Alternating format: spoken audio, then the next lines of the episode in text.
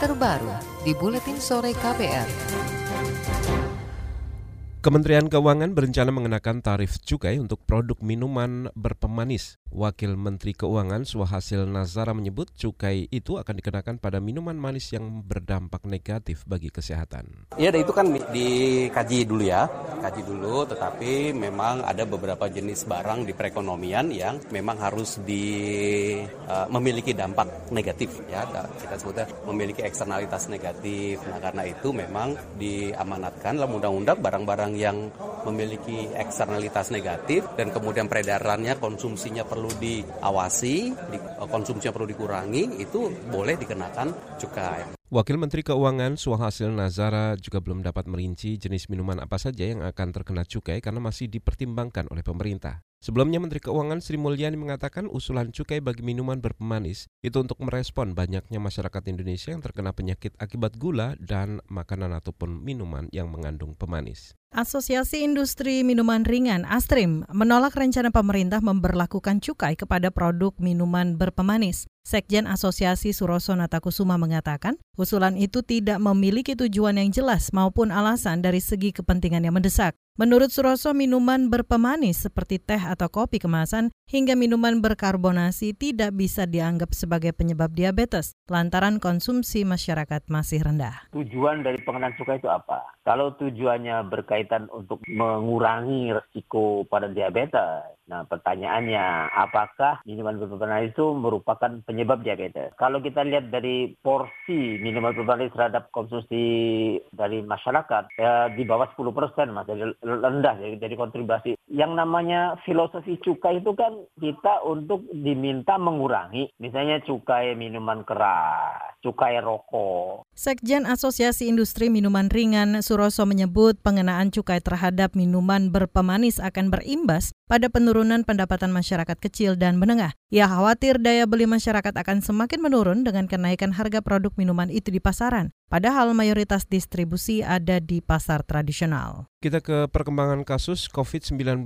Kementerian Kesehatan menyebut telah melakukan kontak tracking atau pelacakan kontak turis Jepang yang dinyatakan positif terjangkit virus corona usai berlibur di Provinsi Bali. Dari pelacakan itu diketahui warga Jepang itu hanya menginap di satu hotel di kawasan Denpasar. Sekretaris Direktorat Jenderal Pencegahan dan Pengendalian Penyakit di Kementerian Kesehatan, Ahmad Yuryanto menyebut, Kementerian Kesehatan telah melakukan pengawasan kepada pegawai hotel selama 14 hari sesuai masa inkubasi virus. Dan kita sudah melakukan survei penyakit bahwa di daerah sekitar hotel itu termasuk kita berbicara pada satu wilayah puskesmas yang hotel itu ada, tidak ada peningkatan kasus influenza like illness. Ini sebagai gerbang awal, apakah ada kemungkinan penularan. Kemudian yang kedua, kita juga sudah melakukan survei terkait dengan kasus pneumonia yang berasal dari wilayah itu dan secara data tidak ada perubahan signifikan sejak orang itu datang atau belum datang. Sekretaris Direktorat Jenderal Pencegahan dan Pengendalian Penyakit di Kementerian Kesehatan Ahmad Yuryanto menyebut, otoritas Jepang menyatakan warga Jepang yang pulang dari liburan dari Indonesia itu terinfeksi SARS-CoV-2, sementara warga Indonesia anak buah kapal di kapal Diamond Princess di Jepang dinyatakan positif COVID-19. Presiden Joko Widodo menyatakan pemerintah tidak bisa didesak atau diintervensi siapa pun terkait proses evakuasi terhadap 74 warga Indonesia yang menjadi kru kapal pesiar Diamond Princess. Kapal itu saat ini masih berada di perairan Yokohama, Jepang. Jokowi menyebut keputusan harus diambil dengan tepat, hati-hati dan sesuai dengan keadaan yang terjadi. Semuanya keputusan itu harus hati-hati, tidak boleh tergesa-gesa. Kita memiliki 267 juta penduduk Indonesia yang juga harus dihitung, dikalkulasi semuanya.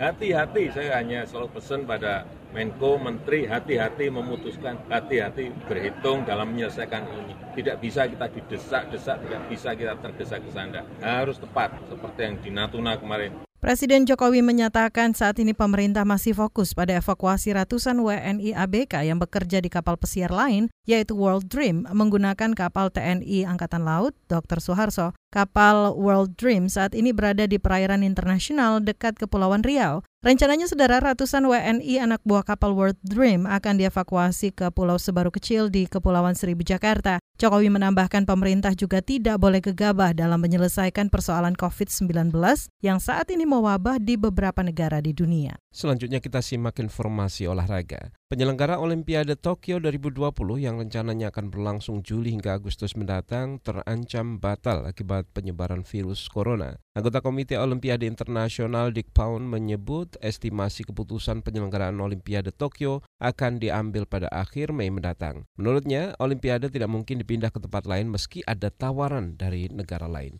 Kepastian Olimpiade Tokyo 2020 akan bergantung pada IOC dan tingkat penyebaran virus. You're listening to KBR Pride, podcast for curious mind. Enjoy!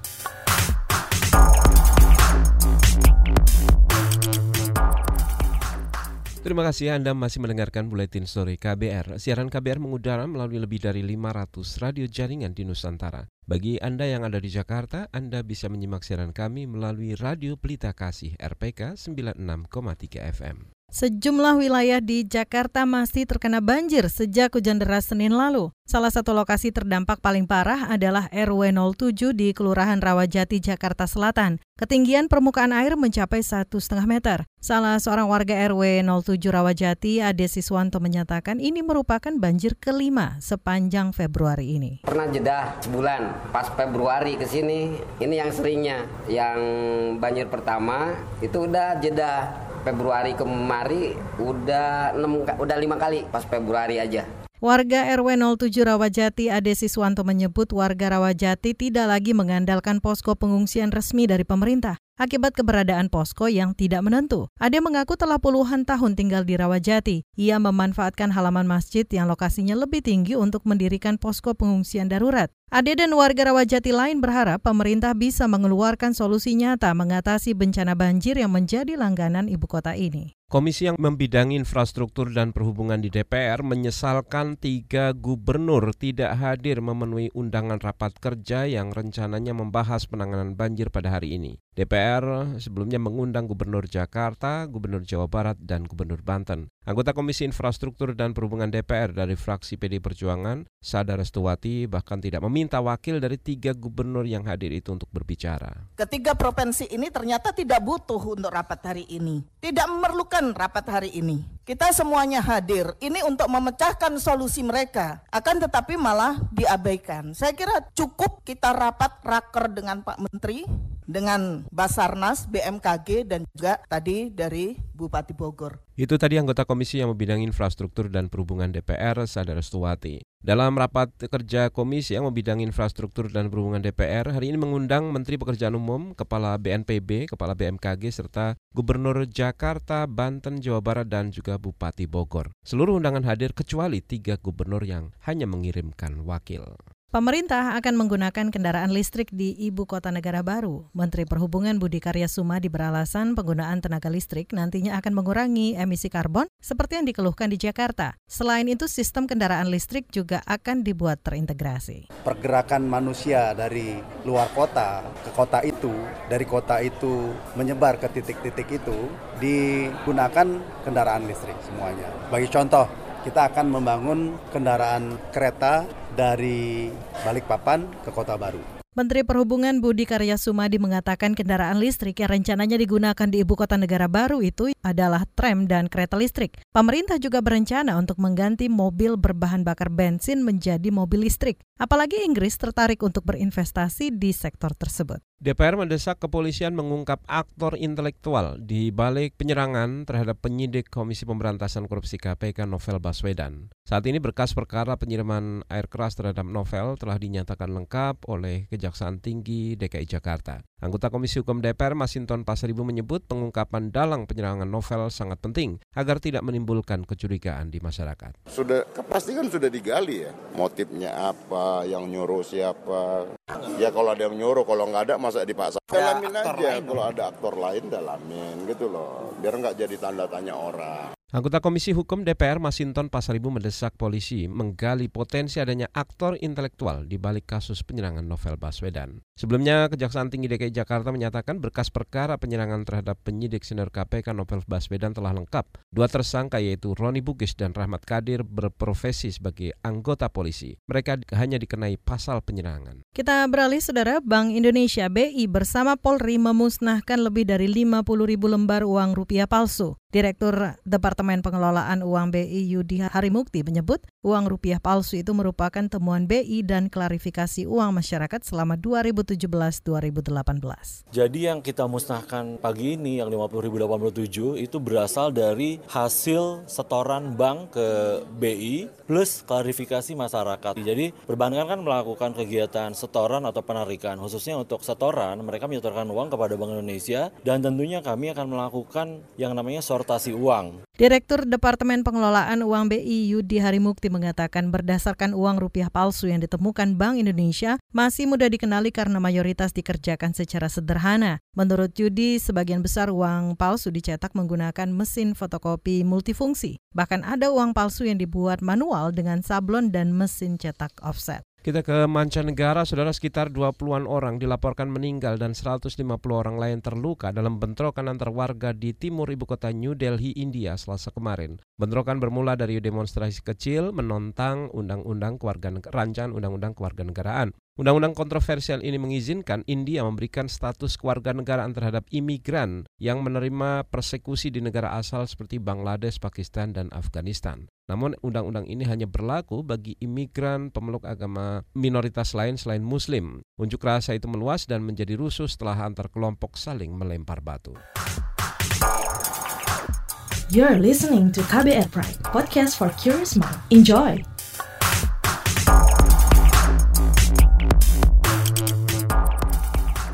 Anda masih mendengarkan Buletin Sore KBR, kita masuk segmen laporan khas KBR. Sebanyak 13 kapal penangkap ikan berbendera asing diduga melakukan penindasan terhadap anak buah kapal asal Asia Tenggara. Berdasarkan tingkat keparahannya, perlakuan-perlakuan yang diterima para anak buah kapal itu bisa digolongkan sebagai perbudakan modern. LSM Greenpeace dan Serikat Buruh Migran Indonesia menunjukkan bagaimana anak buah kapal asal Indonesia mendapat diskriminasi saat bekerja. Sebanyak 13 kapal penangkap ikan berbendera asing diduga melakukan penindasan terhadap anak buah kapal atau ABK asal Asia Tenggara.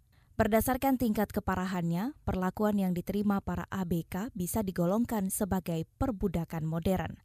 Greenpeace dan Serikat Buruh Migran Indonesia atau SBMI menunjukkan bagaimana ABK asal Indonesia mendapat perlakuan diskriminasi saat bekerja.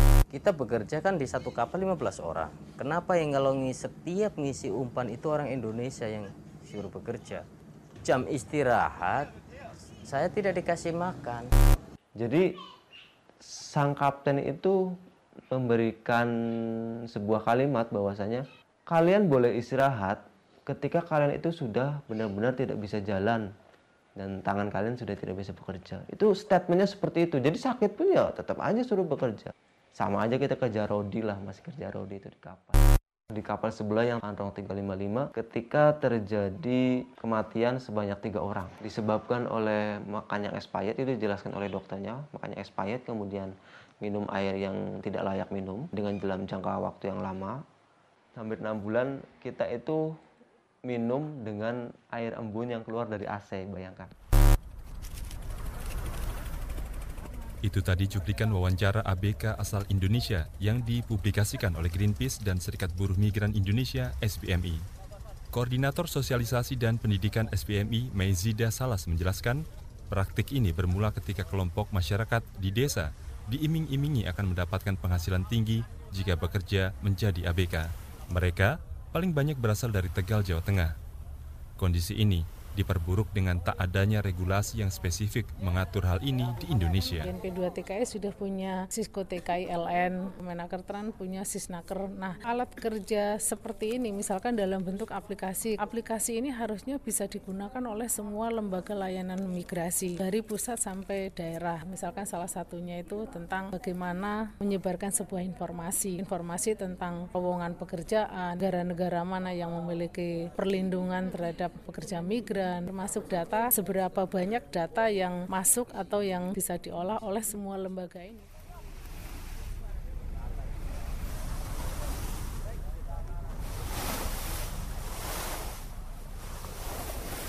Juru kampanye Laut Greenpeace Asia Tenggara, Arif Syah Nasution menyebut, pengawasan dan penegakan hukum dari pemerintah Indonesia belum efektif mencegah perbudakan pada ABK. Padahal, ada indikasi bahwa banyak ABK yang ditindas ketika bekerja di atas kapal penangkap ikan berbendera asing. Umumnya, pada kapal milik Taiwan, Cina, dan beberapa negara di Afrika.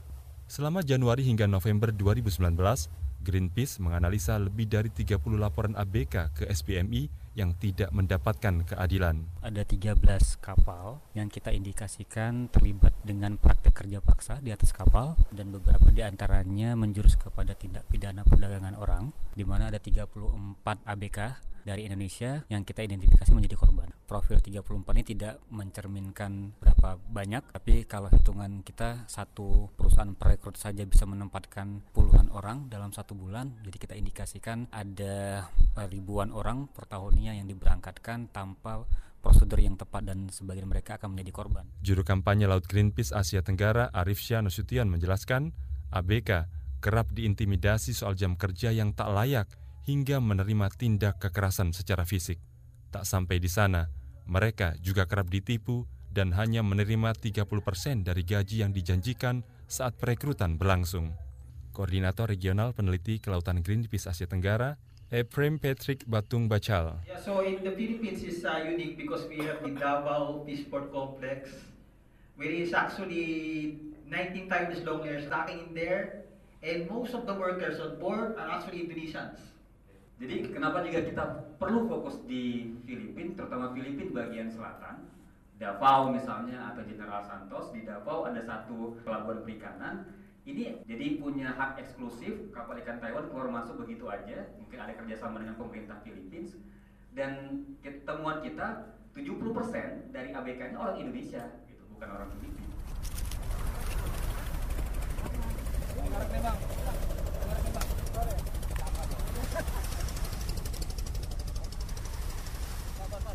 Greenpeace mendesak negara-negara di Asia Tenggara untuk meningkatkan kesadaran terhadap pentingnya menerima hasil tangkapan ikan yang secara baik, termasuk dalam memberikan perlakuan layak terhadap para pekerja di laut.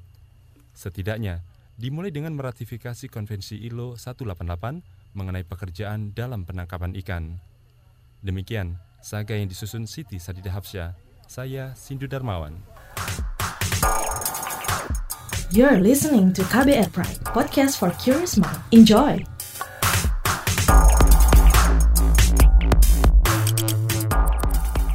Inilah bagian akhir buletin sore KBR. Kita ke Jawa Tengah, saudara menara saluran utama listrik tegangan tinggi atau SUTET PLN di Kabupaten Rembang roboh pada selasa malam. Dua rumah warga rusak akibat tertimpa tower. Laporan lengkapnya bersama kontributor KBR Musyafa dari Rembang. Tower saluran udara tegangan tinggi di Kabupaten Rembang, Jawa Tengah roboh tadi malam. Tower menimpa rumah sehingga mengakibatkan dua korban luka-luka. Yadi, seorang warga setempat menuturkan saat peristiwa terjadi warga mengira ada pesawat terbang jatuh. Terus saya pikir kalau pesawat jatuh kok nggak ada suara lagi, hanya kerata-kerata. Berarti ini apa ini aku no? Begitu saya keluar, itu posisi sudah sangat gelap tower pun sulit kelihatan cuma kan itu udah ada orang yang keluar pakai baterai itu. Ternyata tower ini yang rubuh. Yadi menambahkan ketika tower ambruk kondisi cuaca bagus tidak sedang turun hujan deras maupun ada angin kencang. Selain mengakibatkan korban luka robohnya saluran udara tegangan tinggi ini juga sempat berdampak padamnya aliran listrik ke wilayah Kabupaten Rembang Kabupaten Blora dan Kabupaten Pati. Hingga Rabu pagi belum ada penjelasan resmi dari PLN namun pantauan di lapangan petugas PLN PLN sudah langsung melakukan penanganan. Musyafa R2 Birembang melaporkan untuk KBR.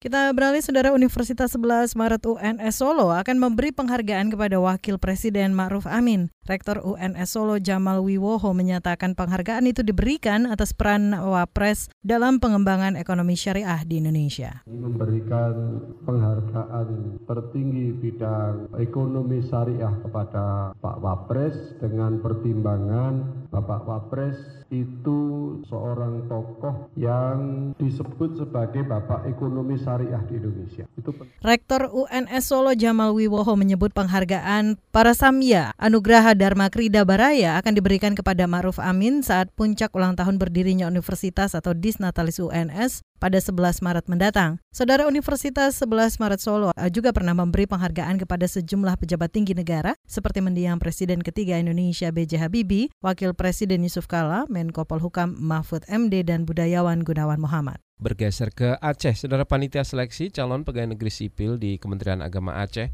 memisahkan para peserta seleksi CPNS laki-laki dan perempuan saat mengikuti seleksi kompetensi dasar. Kepala Bagian Tata Usaha Kementerian Agama Aceh, Saifuddin, menyebut penerapan aturan ini agar sesuai dengan aturan syariat Islam yang berlaku. Kita ada minta keputusan untuk memisahkan perempuan dan laki sesuai syariat kita. Artinya, apakah laki duluan semua masuk, baru di hari terakhirnya perempuan. Itu kita sesuaikan. Yang penting kita ada minta keputusan untuk dipilah antara perempuan dan laki-laki. Kepala Bagian Tata Usaha di Kementerian Agama Aceh, Saifuddin menyebut ada sekitar 19.000 peserta yang akan mengikuti seleksi calon pegawai negeri sipil di Kementerian Agama Aceh. Tes seleksi kemampuan dasar CPNS akan berlangsung mulai 3 hingga 10 Maret mendatang. Dan saudara informasi tadi menutup jumpa kita di Buletin Sore hari ini. Pantau juga informasi terbaru lewat kabar baru di website kbr.id, Twitter kami di @beritaKBR juga podcast lewat kbrprime.id. Akhirnya saya Aika Renata. Dan saya Agus Lukman, kami undur diri. Salam. Salam.